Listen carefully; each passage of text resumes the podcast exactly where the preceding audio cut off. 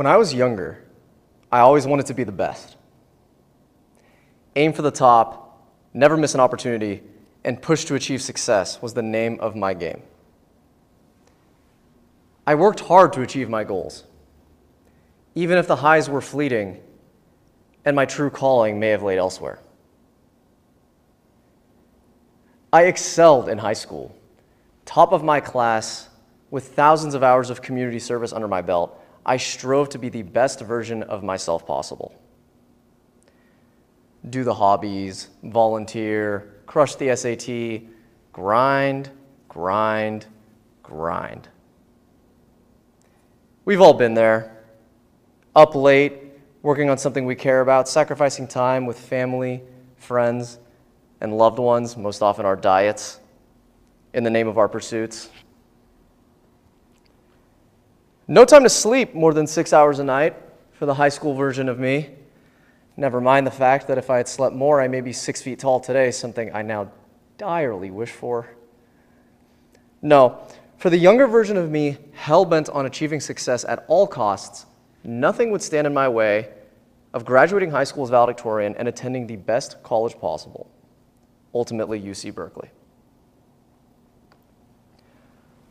I was a star at my time at Berkeley.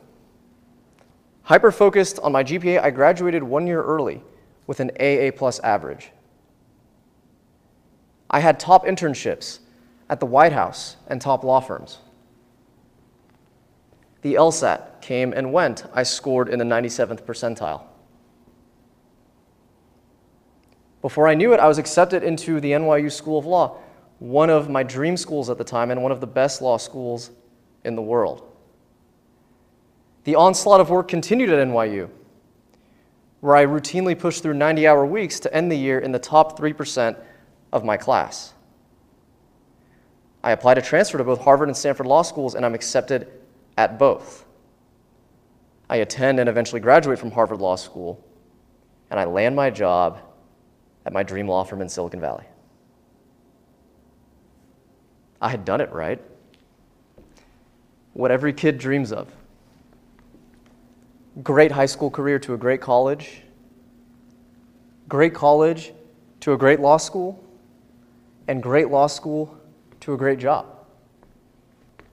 I was 24 years old and a California licensed attorney making nearly $250,000 a year. I'm the king of the world, right?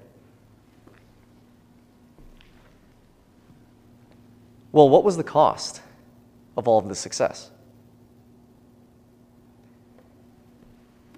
In high school, the rigor of SAT prep and AP courses sent me to the doctor's office. Stomach aches induced by gastritis, a stress induced condition to blame. My college career may have been productive, but I was so deeply anxious at the time that I didn't make friends and I spent most of my time completely alone.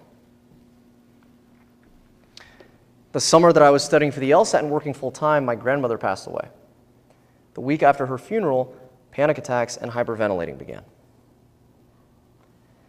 And one week before my graduation at Berkeley, I curl over the bathroom sink, overcome by a sensation of gagging as if I were going to throw up.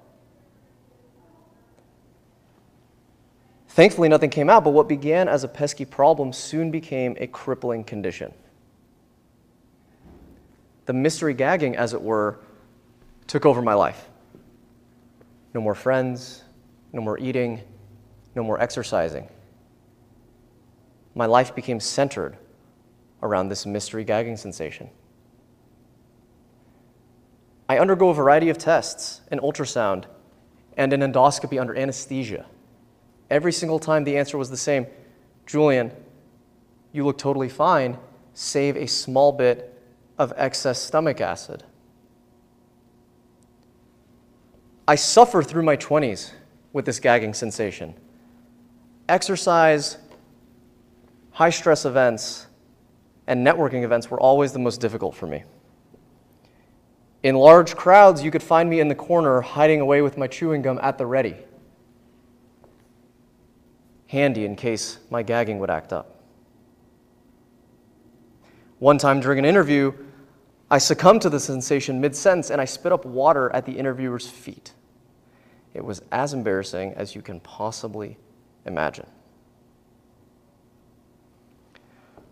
Ultimately, five years of suffering through this would go by before I would explore mental health as a possible cause, in large part thanks to my mother who pushed me to explore it and take it more seriously. I learned the ways that stress could impact the body.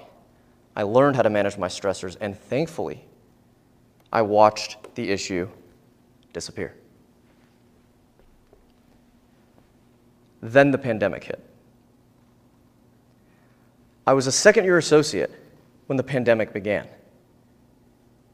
And though I was good at my role, I was never particularly energized by the work. It was, for lack of a better word, a job. Well, the pandemic had different plans for me. Isolated from the world with nothing to do but work, work, and work, my fulfillment in life went from neutral negative to destructive empty. The legal profession didn't care about COVID 19, isolation, or burnout. Attorneys at all levels began to become increasingly distraught, overworked, and isolated. I may have had my gagging under control, but my anxiety was far from being managed. Feeling totally powerless, I began to try to do anything that I could to feel in control. My job wouldn't bend to my will, so I explored entrepreneurialism on the side as a hobby. I moved things around my apartment incessantly. I tried, and I failed, to control the way that others around me communicated with me. Ultimately, left with no path or feeling of power, I began to try to control my thoughts themselves. This is when I became mildly depressed. Deep down, I knew there had to be another path. Nearly a year into the pandemic and feeling completely wiped out, isolated, and empty, I checked myself into mental health services committed to working on mental health. I sat down with a psychiatrist, I took various diagnostics, and I readied myself for whatever would come my way. I'm diagnosed with severe anxiety and mild depression. Well, this certainly isn't what I expected after working my whole life to get to the top. But it didn't end there. Two months into my mental health journey, I was met with fleeting suicidal ideation for the first time. Where a quiet but clear voice whispered to me, Life is just work now. What's the point of it all anyway? Wouldn't it be easier to just end it? I had never had this sort of ideation before, something for which I'm very grateful. But just like that, with enough stress, mismanagement, and despair, I found myself battling against the very real and very terrifying thoughts of self harm. I kept my head down and I worked hard on my mental health. I attended therapy religiously, I took mindfulness courses, and I practiced deep breathing like it was my middle name. Emotions from past years, ranging from anger to sadness, hit me like a train. For the first time, I began noticing and spotting the patterns of anxiety and managing them. My relationships began to improve, as did my outlook and my physical health. Eventually, the mild depression fell away. The deeper into the world of mental health education that I dove, the more in touch with myself I became. My wants, my needs, my preferences. I was on the road to recovery. Fast forward a few months, and I quit my job as a corporate attorney to focus on mental health. It was the last thing the young version of myself would have expected after giving everything my all to get the career. I was so focused on the moving goalposts getting into the best college, getting into the best law school, getting into the best job that I didn't pay as close attention to the big picture questions. Would I be fulfilled in the career that I set out for myself? What if times change and my strengths are no longer suited for this job? What would I do if I'm not happy? Such questions were secondary to the more urgent matters. When is my next exam? What interview questions am I going to be asked? And what is the median GPA of acceptance to the nation's top law schools? Growing up in a world focused on success, we hear about the riches from relentless hustling, the fame, the glory, the pedigree. But this part, the part that I was experiencing, the misery, the despair, the isolation, this part was conveniently left out of the narrative. And that's a big problem. My story, that of colloquial success, relentless self judging, and mental health despair, is far from unique. We lose thousands every single year to mental health, and the collective suffering caused by mental health conditions is incalculable. What my story represents is a much deeper problem that we collectively must grapple with. A problem of misprioritization in what we define as success. A narrative forced on kids and parents that the only path forward is one of high stress and high achievement, and the fear of what will happen without it. A deep seated notion that reaching our goals rather than being fulfilled in the process of working towards them is all that matters. And a system that provides only positive reinforcement for success, but pays no heed to the very real costs of reaching such heights.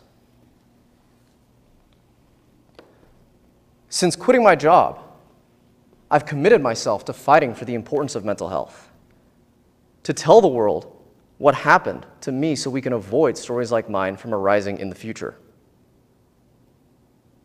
It's long overdue that we revamp our social, political, and cultural realms to take mental health more seriously.